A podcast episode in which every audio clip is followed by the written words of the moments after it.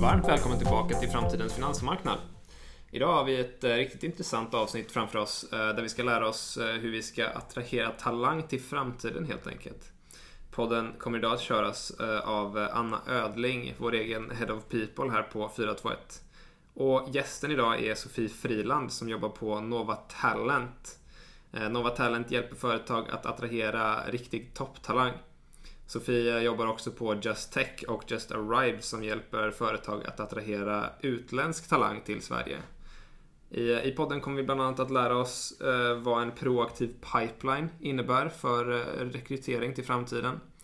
Eh, vi kommer också lära oss vad en mordgåta kan säga om heterogena team. Så stick around!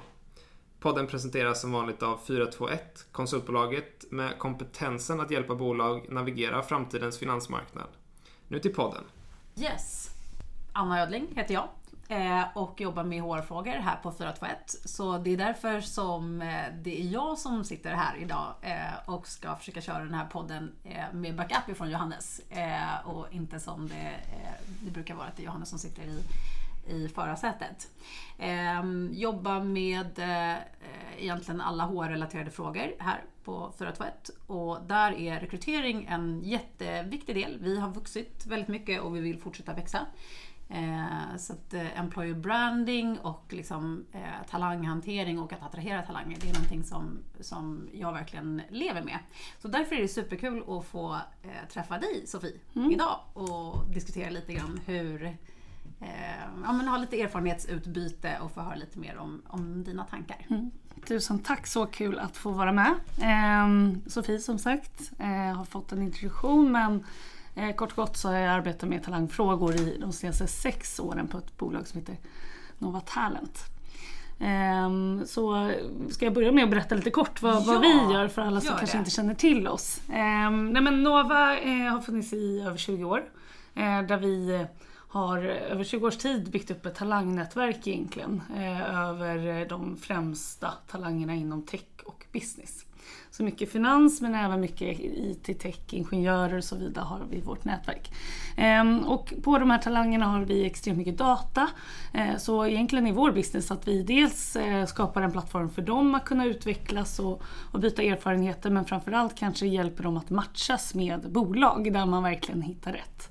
Och då baserar vi det på till exempel kultur och värderingar mm. och inte mm. bara sådana liksom hårda skills för att folk ska hitta rätt karriären. För det där kan ju vara rätt tufft, både från bolagets perspektiv då att, att veta vad man ska prata om eh, men även för talangen att veta vad man faktiskt är ute efter.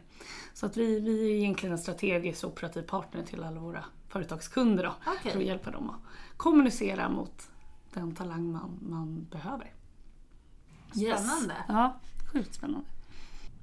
Jo, men nu, du har ju varit på, ja, men på Nova eh, i då ganska många år mm. och Nova i sin tur har ju funnits och jobbat med, med de här frågorna väldigt länge. Eh, vad, vad, tycker ni, eller liksom, vad ser ni är, är de viktigaste områdena eh, ja, men just nu då för, för era talanger? Och, mm. Ja, men, ja, det, det finns otroligt många tycker jag och jag tycker det är svårt att säga att det finns ett område som är viktigt för några. Det, det vi gillar att göra är att bryta ner det. Så yeah. det, det, vi ofta går in och gör är att, att vi, vi pratar med ett bolag och lär oss förstå vad, vad är deras employer brand eller yeah. arbetsgivarvarumärke. Mm. Och så börjar vi inifrån där för att se liksom, vad är det som faktiskt är viktigt och vad är det man Eh, önskar att man var framöver. Och så ser vi vilka talanger som matchar just dig och vad är viktigt för dem. Eh, så det, men däremot kan man ju självklart se över åren att saker förändras, vad, vad våra talanger tycker är viktigt. Eh, där beroende också på vart man är, alltså i vissa åldrar liksom när man börjar ha familj och liknande blir flexibilitet och den typ av parametrar är extremt viktigt. Ja. Eh, medan tidigare i karriären kanske man vill jobba mycket timmar men man vill ha en, liksom en, en brant, brant utvecklingskurva. Så det är väl två sådana grejer som vi kan se blir, blir mer viktigt men att de eh, ja, har förändrats över tid också. Att, att beroende på vart du är och, och hur länge du har jobbat så är vissa saker mer viktigt än andra. Just det. Mm. Um, vad ser vi annars som är en trend? Eh, men alltså, jag skulle vilja vända på frågan. Det vi ser hos arbetsgivaren så är det att fler och fler bolag letar efter exakt samma typ av talang. Ja. vilket, eh, vilket gör ju såklart att det blir tuffare eh, att konkurrera och stå ut. För alla vill ha personer som är väldigt dataanalytiska idag. Det är en sån egenskap som Just kanske det. inte har funnits inom tiden. Det spelar ingen roll om, som vi jobbar med HR. Vi måste också kunna analysera Ja. en mängd data. Eh, man pratar också om att man måste ha en, en förmåga att kunna ta beslut trots att man har oändlig mängd data. Så Ja. måste man kunna liksom grotta i det här. Komma framåt. Eh, Mm. Många pratar om att du ska vara en problemlösare och självständig. Samtidigt ska du vara en teamspelare. Så att det är otroligt många olika saker man efterfrågar hos en talang men, men där det spelar ingen roll om vi, vi pratar om en blue, blue collar jobb idag eller Nej, en, en det. tjänsteman så ska du fortfarande besitta de här förmågorna. Liksom. Långa önskelistor. Det är långa önskelistor och jag tycker att därav så självklart så speglas det tillbaka. Det gör ju att talangen som faktiskt besitter det här kan sätta samma krav tillbaka. Just Då det. ska det också vara flexibelt, det ska förändras, det ska vara utmanande och alla Mm. de här sakerna som du kräver av dem. Eh, och där tror jag ibland att, att företagen ligger lite efter i att, att faktiskt erbjuda samma typ av, av ja, Men kunna matcha, Matcha helt de enkelt. kraven Ja, tillbaka, jag liksom. Mm. Mm. Ja, vad spännande. Mm. Ehm, för jag upplever ju i ehm, Ja, men då, som befinner mig då i, i konsultbranschen och på finansmarknaden att just att, att även de som kommer och är ganska nya kräver väldigt mycket flexibilitet. Eh, och ja, det känns ändå som att ah, de, de individerna som vill stoppa in väldigt många timmar, de blir allt färre. Och det kanske också är för att man inte ser på, jag vet inte, jag tänker bara sen, sen jag började jobba så tror jag att man har liksom förändrat synen på hur länge man ska vara på samma ar- arbetsplats. Vilket gör att man kanske inte heller får tillbaka det man stoppar in i att jobba extremt mycket timmar i början av sin karriär. Ja, men det där är ju så spot on verkligen. Och jag tror att det finns två anledningar till det här. Det ena är ju att, att jag tror att de talanger som vet att man besitter rätt kompetenser, de, de känner sig ganska självsäkra i att få ett annat jobb. För att idag är det inte liksom lokaltidningen du kollar i och det finns tre jobb som matchar dina krav. Du har liksom en global marknad. Ja. Så att man, man har ju otroligt många jobb att välja bland. Alltså de är liksom lindan, eh, listan nästan oändlig. Och samtidigt så tror jag också att man påverkas väldigt mycket av ja, men sociala medier och liknande. Man tror att alla har det bättre på andra ställen. Just det. Eh, så där tror jag att snarare att det kanske handlar om som arbetsgivare att, att faktiskt utbilda och coacha i eh, Ja. vad är det du behöver lägga in och vad är det som förväntas på alla arbetsplatser. För att du ändå ska må bra och trivas och, och utvecklas. Men jag tror heller inte att arbetsgivaren kan längre begära samma typer av timmar. Nej, Eh, för att då, då drar man till nästa ställe. just det. Eller då ska man ha ett väldigt, väldigt starkt eh, brand eller liksom man ska vara en stark stepping stone för nästa jobb. Eh, det är lite skillnad om man är McKinsey så tror jag att många är villiga fortfarande att lägga de timmarna för Ja. man vet vad det kan leda till i framtiden. Just det. Men, men däremot, ja, jag tror två saker. Det ena är ju såklart att man måste bli bättre som ledare, coacha i vad, vad som faktiskt förväntas och, och faktiskt också prata om det här att jag tror inte att gräset alltid är grönare på andra sidan. Eh, men det andra är ju också att man kanske inte kan förvänta sig att folk stannar till guldklockan längre. Nej. Ehm, och vi kommer säkert prata mer om det men när det kommer till employer branding tror jag framtidens eh, ja, bolag som kommer klara sig bra det är de som har, jo, jobbar proaktivt och har en liksom pipeline av potentiell talang. Som, så när någon slutar så blir inte det där fallet så, så, liksom, så Nej. Jobbigt. tiden... Eh, för att man hela tiden har en dialog med, med potentiella talanger som man vet skulle kunna fylla någons plats. Just det. Mm.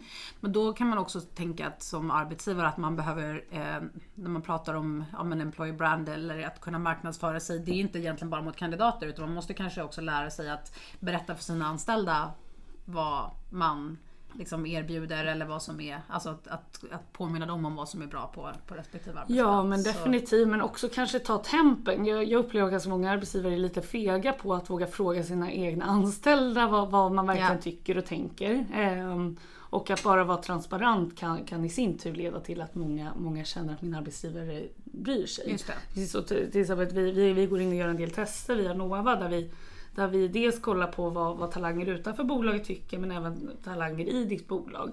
Eh, och då kan man se till exempel att arbetsgivaren tror att lönen är det som är mest viktigt så det är det vi vill liksom se till att öka år efter år. Eh, medan det kanske är liksom, talangen säger att lönen är inte alls det som är speciellt viktigt. Eh, men eh, ja, flexibla arbetstider eller eh, inte vet jag, toppa föräldrapenning. Det kan vara liksom så många olika parametrar som jag tycker egentligen är viktigt. Eh, och att då veta det som arbetsgivare att okej okay, det här kanske, det här är jag väldigt nöjd inom men det var inte så viktigt medan det här är jag ganska missnöjd inom och det är jätteviktigt. Att kunna veta det som arbetsgivare, då tror jag att du kan hålla kvar folk mycket bättre. Och att ha en transparent dialog om varför, varför man kanske inte kan möta allt. Liksom. Just det.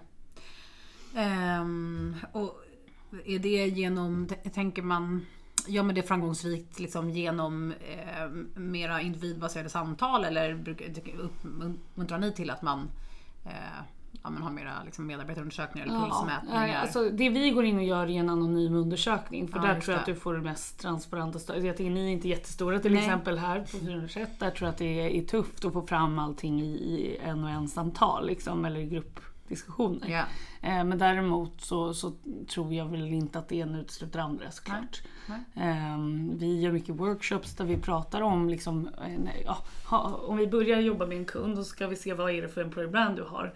Då brukar vi vilja samla ett antal medarbetare och prata om både vilka man är i form av ett positivt perspektiv men också vilka man inte är. Och där kan man ju få en eh, ny som, som arbetsgivare, liksom, vad sina kollegor faktiskt tycker att man inte är och, och huruvida det är viktigt eller inte. Men, men någonting jag vet är viktigt det är ju att man kommunicerar vilka man inte är innan man anställer någon. Just det. Att vi tenderar att i annonser eller i, i employer branding kommunikation bara prata om allt är bra. Så att individen får liksom en lite skev bild och så börjar man och sen var det ju inte bara det där, det var ju de här Nej. sakerna också. Eh, och jag tror att de arbetsgivare som vågar kommunicera om de dåliga sakerna, de kommer ju få folk som trots det tycker det. att ni verkar vara en bra arbetsplats. Det. Mm. Och det där tror jag också är en, en liksom nyckelfaktor att, att gå bra eh, och få folk att i alla fall stanna lite längre liksom, när man väl kommer in. Att sätta förväntningarna rätt. Liksom. Det gör väl att man matchar bättre redan från början. Ja, eh, på något sätt alla så. bolag har ju sina eh, ja, men, fördelar och mm. nackdelar. Jo men också när vi kollar, när vi pratar med våra talanger så säger ju alla att man tror ju inte på bolag som bara står och säger att allt är fantastiskt. Eh, då känns det som att chefen står bakom hörnet och lyssnar. Liksom. Det. Utan, det var någon, det var någon Nova-medlem som sa till mig att det är först två glas vin in i middagen jag faktiskt tror på vad, bo, vad företagsrepresentanterna säger. Och nu säger jag inte att alla ska bjuda in alla på vin men, men det ligger något i det han säger ja, i att man måste kanske ha lite mer informella möten och så vidare med potentiell talang för att de ska förstå den, den sanna bilden mm. och inte vara så rädda att visa den. Mm. Mm. Ja, Spännande. Um, vi är ju då, eller Fyra Tvätt verkar ju inom liksom, eh, finansbranschen och eh, våra anställda här är ju eh, till eh, väldigt stor del konsulter. Det är mm. jag och sen är det vår VD egentligen som sitter eh, hemma på kontoret. Mm. Eh, men jag tänker med din erfarenhet, vad, vad tror ni att ja, men, finansbranschen och konsultbranschen, nu klumpar jag ihop dem lite grann, men liksom den typen av bolag som vi är, vad står vi inför utmaningar för att kunna eh, ja, men, liksom möta de kraven som, som eh, ja, men era talanger eller andra talanger så, mm. eh, ställer på, på sina mm. arbetsgivare? Um, ja, bra fråga. Alltså dels, jag tror väl två saker egentligen. Det ena är det här med, med proaktivitet tror jag. Det vill säga att alltså, pratar vi om en, om en person som är duktig in, i, inom finans de har ganska mycket möjligheter fortfarande. Mm. Eh, vilket gör att jag tror att det, de bolag som kan göra liksom en branding och HR-frågorna till en prioritet i organisationen. Antingen genom att man blir ett stort team mm. eh, eller genom att man har smarta digitala verktyg för att kunna bygga en liksom, proaktiv pipeline för framtida potentiella talanger. Eh, de tror jag kommer lyckas. Eh, mm. Det andra tror jag är att liksom det här med, med oavsett om du jobbar inom finans idag så blir ju IT och techkompetenserna mer och mer viktiga. Yeah. och efterfrågas. Det är Just ju det. verkligen en bransch som digitaliseras överallt. Liksom. Yeah. Och där tror jag att man, man måste börja kommunicera annorlunda än vad man kanske har gjort. Eh, alltså tech-talanger idag triggas av helt andra saker än vad man har gjort i, i den klassiska finansbranschen. Mm, eh, och, ja, men jag vill ändå lyfta ett, ett bra exempel på några som jag tycker har gjort det bra är faktiskt eh, en tidigare kund till oss på, på Nordea. Eh, mm. där de genom, de genom eh, eh, de gick igenom en, en digitaliseringsresa, eller de är på en såklart. Mm. Men, men där de verkligen hade en person där som gick in och vågade berätta för, för potentiell framtida talanger att de kommer inte överleva utan IT-kompetens. Istället för att säga att ja, men vi försöker vara Google och vi försöker vara häftiga och coola. De vet att de inte är det. Det är en ganska trög, en trög arbetsplats Yeah. på många sätt. Eh, så gick han in och liksom på knäna och berättade hur han hade sagt upp sig eh, första två månaderna säkert tre gånger för han var så himla trött på, på liksom vart de är på väg. Han är en då ganska stark profil med IT, den här personen jag pratar om. Eh, men att han då liksom bad om hjälp. Just det. Eh, och det här tyckte jag var ett, ett bra sätt på hur man kan tackla liksom, eh, den bransch man är i och, och inse att den kanske inte är den som är mest attraktiv för, för IT-talang. Men, men hur man kan få den till en spännande utmaning Ja. eh, istället. För att jag menar, ni verkar ju också inom en bransch som, som är väldigt nödvändig. Ja. Eh, vart man än jobbar någonstans så, så liksom har man ganska bra koll på er bransch. Liksom. Eh, så det tror jag. Men sen ehm, jag vet inte, jag, jag tror också att eh, arbetsgivare, det här kanske inte bara inom er bransch, men, men till exempel alla, alla skriker efter IT-talang. Eh, och där ser vi ju dels, tycker jag, att mm, man är ganska dålig på att kommunicera till den målgruppen. Vi, vi ser till exempel att det, det är en målgrupp som tycker det absolut viktigaste vem man, vem man jobbar för, alltså vem är min chef eller så vidare. Just det. Det är en av de viktigaste parametrarna när de väljer arbetsplats. Man följer liksom andra duktiga utvecklare eller eh, IT-profiler och så vidare. Eh, Men, men det vi ser är att det, jag har inte hittat en enda någon som nämner vem man jobbar för. Och det här gäller inte bara IT utan de flesta. Man, man pratar sällan i en jobbannons vem Nej, du ska jobba för. Du kanske berättar vara- vem som är rekryteringsansvarig eller vilken Ja, firma du rekryterar genom men inte vem, vem som faktiskt ska vara min chef. Och det är en så, sån tips till, till ja, vem som helst som behöver folk. Eh, nämn det i er annons. Det är en sån Ja. enkel grej som är så viktig för så många. Så man kan säga att, att finansbranschen står inför utmaningen att det inte, eller så att man ska mixa ihop eh, eh, liksom bankingkulturen med techkulturen på något sätt. så. Ja. Och det, det skapar ju säkert mycket problem internt eh, också. Ja. Eh, men jag tror framförallt eh, för att attrahera så måste du börja kommunicera och lära dig vad de faktiskt tycker är viktigt. Eh, men sen tror jag också att vi, vi eh, eh, jag tror att eh, det nämns här att jag, jag även jobbar för ett bolag som heter Just Tech. Eh, Mm. Vi, vi, eh, vi tar in eh, utvecklare från eh, utanför EU för vi vet att det är också sån otrolig brist i Stockholmsområdet. det. Att det räcker inte. Även om man blir duktig och verkligen lyckas attrahera de här techprofilerna och ni som även ska, som för- kanske helst har en bakgrund inom finans också. Eh, De växer ju inte direkt på, på Nej, träd. få. Liksom. Ja, de är för få. Så där tror jag man också behöver liksom börja öppna upp. Just det, hitta andra sätt. Hitta Ja. andra sätt utanför EU men också liksom öppna upp och, och vad har man för företagsspråk? Kan man byta till engelska och så vidare Ja. för att inte exkludera folk och så Just vidare. det. Mm. Yes. Ja men det är helt klart eh, intressant och viktigt. Ehm, vi har också kämpat hårt med, gör fortfarande, och jag tror att vi har många kollegor som gör det också, med att få en mer jämn könsfördelning. Eh, det är väldigt, eh, eller ja, det känns som att det är mansdominerat fortfarande. Är det någonting som, känner du igen det? Eller? Absolut. Ja. Absolut. Och jag menar jag tänker inte bara jämställdhet, jag tänker att det kan handla om fler, fler delar än bara kön. Men alltså det, det, Verkligen. vi, vi ser ju absolut att Det det här är- fortfarande är problem i er bransch och i flera andra branscher också för Mm. den delen. Eh, och jag tyckte det var imponerande att få höra din, din berättelse att du kom in här och liksom fick från, från toppen också vara med och, och liksom dra in fler tjejer i Mm. er, er organisation åtminstone. Och jag tror att det, det är ju där som blir problemet i många större bolag Mm. där, där det kanske sitter en ledning som ser ganska likadan ut. Mm. Eh, och det är i alla fall eh, vi har lärt oss och vad forskning visar är ju att, att någonstans om man ska skapa en mer jämställd kultur så måste man börja i toppen. Just det.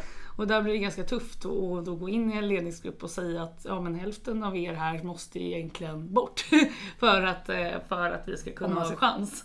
Ehm, För rent krasst är det så. Sen tror jag att man kan absolut gå flera vägar än så men, men det, det är egentligen den krassa sanningen att man måste börja i toppen eller åtminstone liksom så mycket som möjligt för att kunna skapa en jämställd kultur. Så att om man ska förenkla lite så bara det att, att det var jag som kom in och rekryterade har kanske gjort att det har blivit lättare för Definitivt. oss att få... Ja, ja, det där är jätteväl bevisat också att vi, vi tenderar att liksom identifiera talang som är lik oss själva.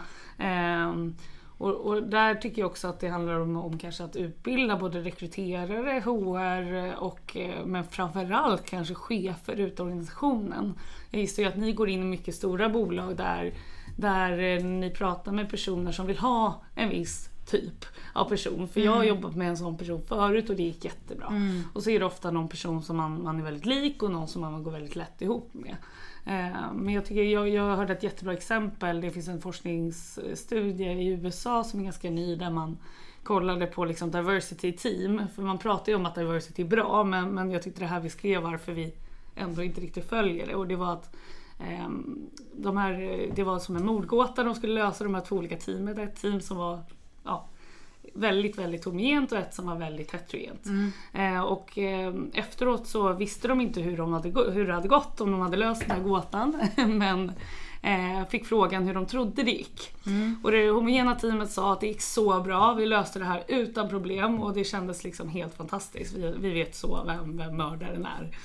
Eh, Medan det heterogena teamet sa att nej, alltså vi kom ingen vart, det var så tufft att jobba ihop och vi har absolut inte löst någonting.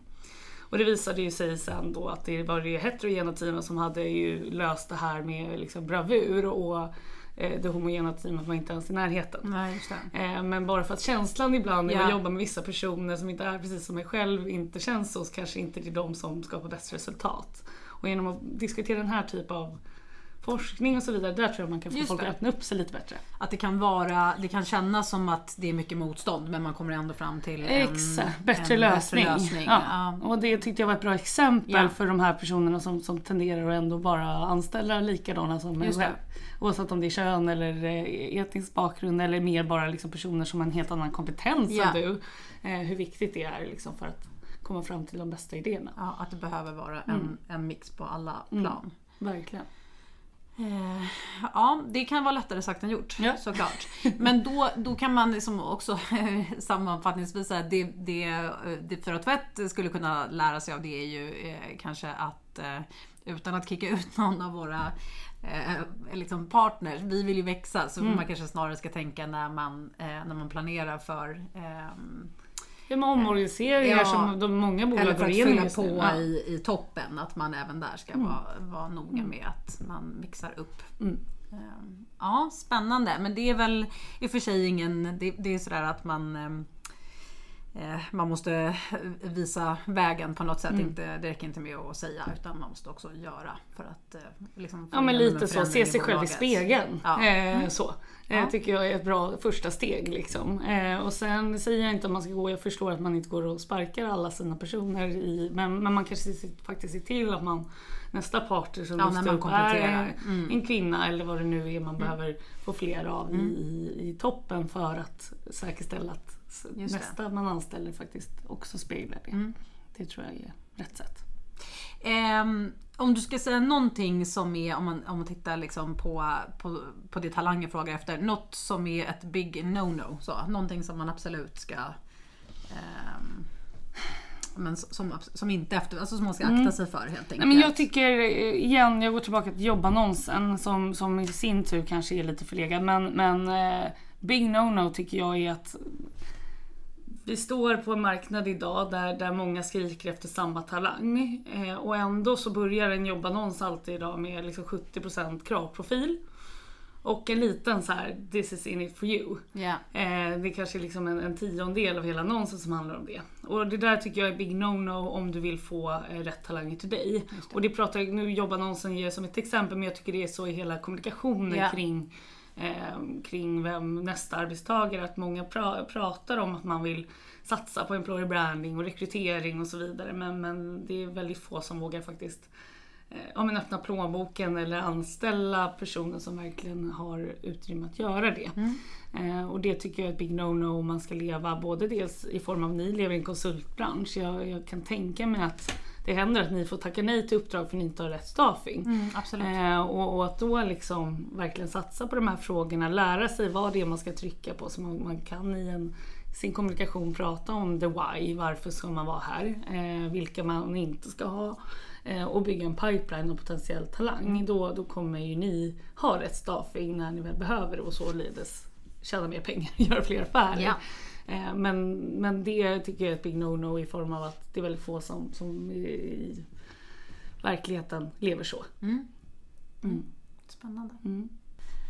Ja men eh, Sofie, nu när jag ändå har dig här och eh, vi som sagt, vi, vi har pratat om det lite tidigare. Våran, eh, våran utmaning och våran resa mot att gå mot, mot en liksom, eh, ja, men mer, eh, jag ska säga, eh, för oss har det varit liksom, könsfördelningen har varit fokus, men på lång sikt absolut, vi skulle behöva eh, titta på eh, på att få liksom en bättre mix på alla plan egentligen. Eh, men säg att man står då eh, som bolag och kanske är, ja, men, inte ens har kommit så långt som vi har kommit utan man är i en, en väldigt mansdominerad eh, liksom bransch och är också ett bolag där man är eh, väldigt eh, ja, men homogen helt enkelt. Att det är ehm, eh, dålig diversity. Så, hur hur eh, liksom knäcker man den frågan? Mm. Alltså, hur, hur tar man sig vidare? Vill du ha mitt ärliga svar? Ja, absolut. Eh, Men jag eh, sparkar alla, eller på att säga. Eh, jag är faktiskt seriös. Nej, men jag, det, det finns ett exempel som jag, jag har gått tillbaka till när jag, när jag pratar med ett antal bolag. Sen förstår jag att man kanske inte ska göra det så drast- drastiskt som man sparkar allihopa. Men det var ett bra exempel på att när man har kollat sig i spegeln och sett att okej, så som det ser ut idag, det, det spelar inte alls den jämställdheten vi vill ha. Nej. Eller den diversity vi behöver Nej. och så vidare för att klara oss. Eh, och idag så vet vi, det finns som sagt mycket forskning som visar på att vi måste ha det här på plats för att överleva när vi har en värld som förändras så mycket. Ja. Eh, och det finns ett exempel, det är, det är en eh, bank, eh, ING, Mm. en, en holländsk bank eh, som finns, eller en stor global bank som, som gick otroligt dåligt eh, Ja. många år. Ehm, och de insåg ju att så, okej, vi- dels så gör vi för många saker vi behöver se över men det var, var det någonting de såg var att deras organisation var extremt hier- hierarkisk och eh, ojämställd. Eh, så att de faktiskt eh, hur, hur de tog beslutet och fick med alla att göra det vet jag inte, det får du fråga dem. Men, men de valde faktiskt att sparka alla eh, med motivationen att, att eh, låta alla söka om sina jobb. Just det. Ehm, och, eh, och med målet att bli mer agile. Och jag fick se, jag träffade deras employee branding, globala employee branding chef. Eh, och hon visade oss en film som de använde internt inför att de skulle göra det här. Eh, som var väldigt liksom mäktig där de pratade om att så här, världen förändras, vi går inte bra, vi kommer inte överleva i princip. Eh, men men någonting vi vet är att vi måste liksom adapta och bli mer agile för att kunna möta de utmaningar som händer runt om oss. Och det enda vi, vi vet är det, liksom, Mm. att vi måste bli mer förändringsbara och att vara mer jämställda, vara, ha bättre diversity och mindre hierarki. Det, det finns bevis som visar att det, det kommer hjälpa oss i det. Eh, och sen gav hon, de gav lite roliga exempel på att saker som man inte hade någon aning om skulle hända. Typ att Donald Trump, eh, vem visste att han skulle bli president eller eh, att Brexit skulle hända. Eh, och sen visar de även typ så här, eller vem visste att vuxna människor skulle springa som fånar med mobilerna eh, genom Pokémon Go. Och så var det lite roliga sådana exempel. Nej, vi visste inte det, men vi vet att saker kommer förändras och saker som vi inte vet kommer hända kommer hända. Så hur kan vi förbereda oss för det? Och sen sparkade de bokstavligen alla eh, i, i deras eh, liksom, huvudkontor i Holland och så fick alla söka om sina tjänster. Det. Så det var inte så att de flesta fick vara kvar liksom. Ja. Men, men Var man många- roterade. Ja, Mm. exakt. Eh, och det tyckte jag var ett eh, fa- fantastiskt exempel där de faktiskt vände i alla fall den holländska banken bara Mm. på ett par år till att bli eh, ja, votad till en av, av Hollands bästa banker. Det. eh, det var ju ett bra exempel. Ja. Eh, sen, sen kanske man får börja lite smått i andra Mm. organisationer Mm. men jag tror ändå det här att kolla sig själv i spegeln och börja i toppen. Och se vad är det vi kan göra här. Vi kanske inte kan sparka men kan vi ta in fler? Ja, det är det Eh. tacksamt när man är mindre och vill växa. Ja men precis. Men sen tror jag också att så här, kolla, kolla igenom sina rekryteringsprocesser när vi tar in Mm. nytt folk. Vad kan vi göra där för att in, säkerställa att vi inte exkluderar folk på grund av att vi har för liksom Ja, kolla på mycket, för mycket på att eh, ha folk som är likadana oss själva Mm. och så vidare. Och där finns det exempel, jag vet Spotify till exempel, de har ju ingen data i sina processer när de tar in nytt folk. Eh, för att de vet ju att data är baserat på vad som har hänt förut. Ja.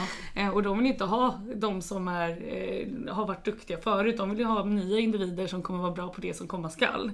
Eh, Så att där finns det också exempel på hur du kan liksom, ja, bli mindre, mer könsneutral och liknande Mm. i rekryteringsprocessen Mm. genom att ha anonyma CVn och liknande. Yes. Det var ett långt svar. Ja men otroligt spännande.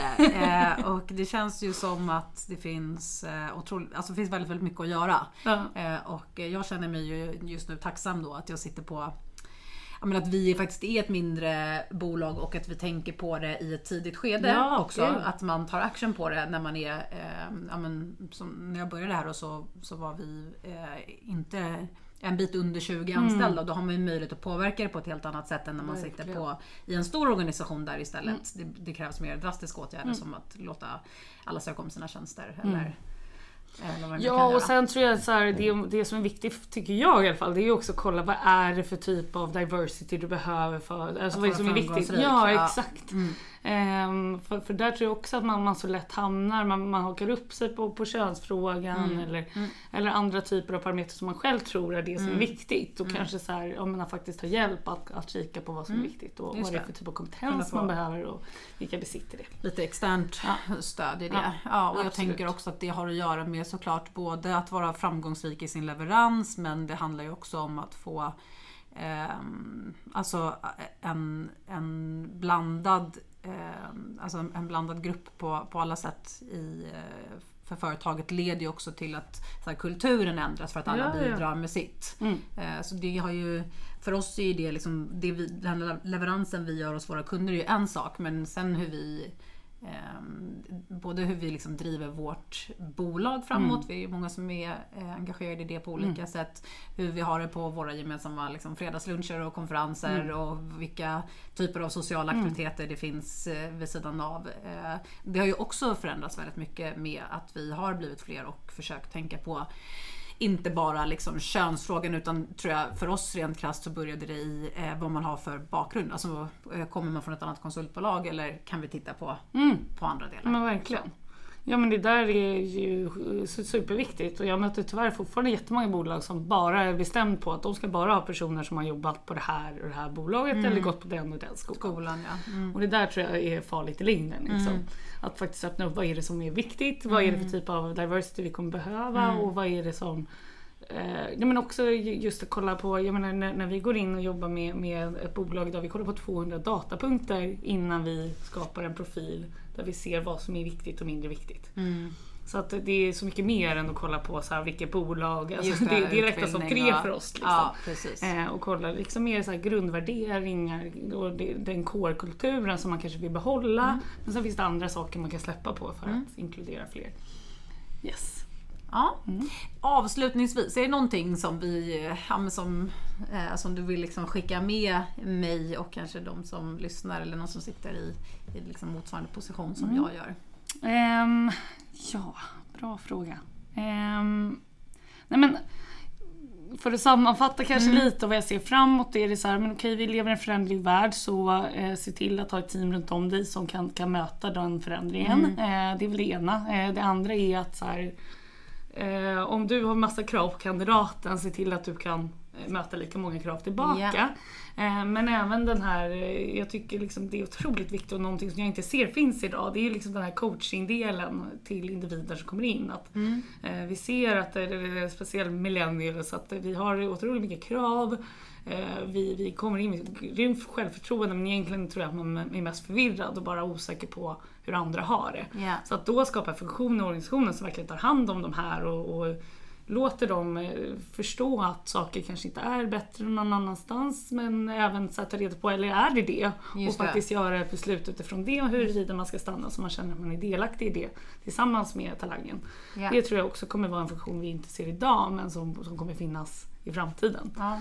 Eh, och det sista är väl proaktiviteten igen. Liksom Mm. att så här, bygg, se, se till att du har någon typ av talangspolsystem. Jag vill slå ett slag för våra grannar Wintergarden som jag Mm. tycker var de första som kom med ett, liksom, vad vi kallar ett TRM-system. Mm. Det vill säga motsvarigheten till ett CRM-system som alla har i sälj. För att bygga en pipeline och, och se till att man har interager- interagerar med, med framtid talang. Mm. Eh, innan de ska in i organisationen och inte bara lägger ut en annons när det redan är för sent. Just det. Eh, så det, det är väl de fyra grejerna eh, som jag vill skicka med Mm. de som lyssnar. Ja. Kul! Jätteroligt att ha dig här. Eh, otroligt spännande att få lyssna på dig mm. och dina spaningar. Tack snälla för att du tog dig tid att komma hit. Tack själv, ja. jättekul.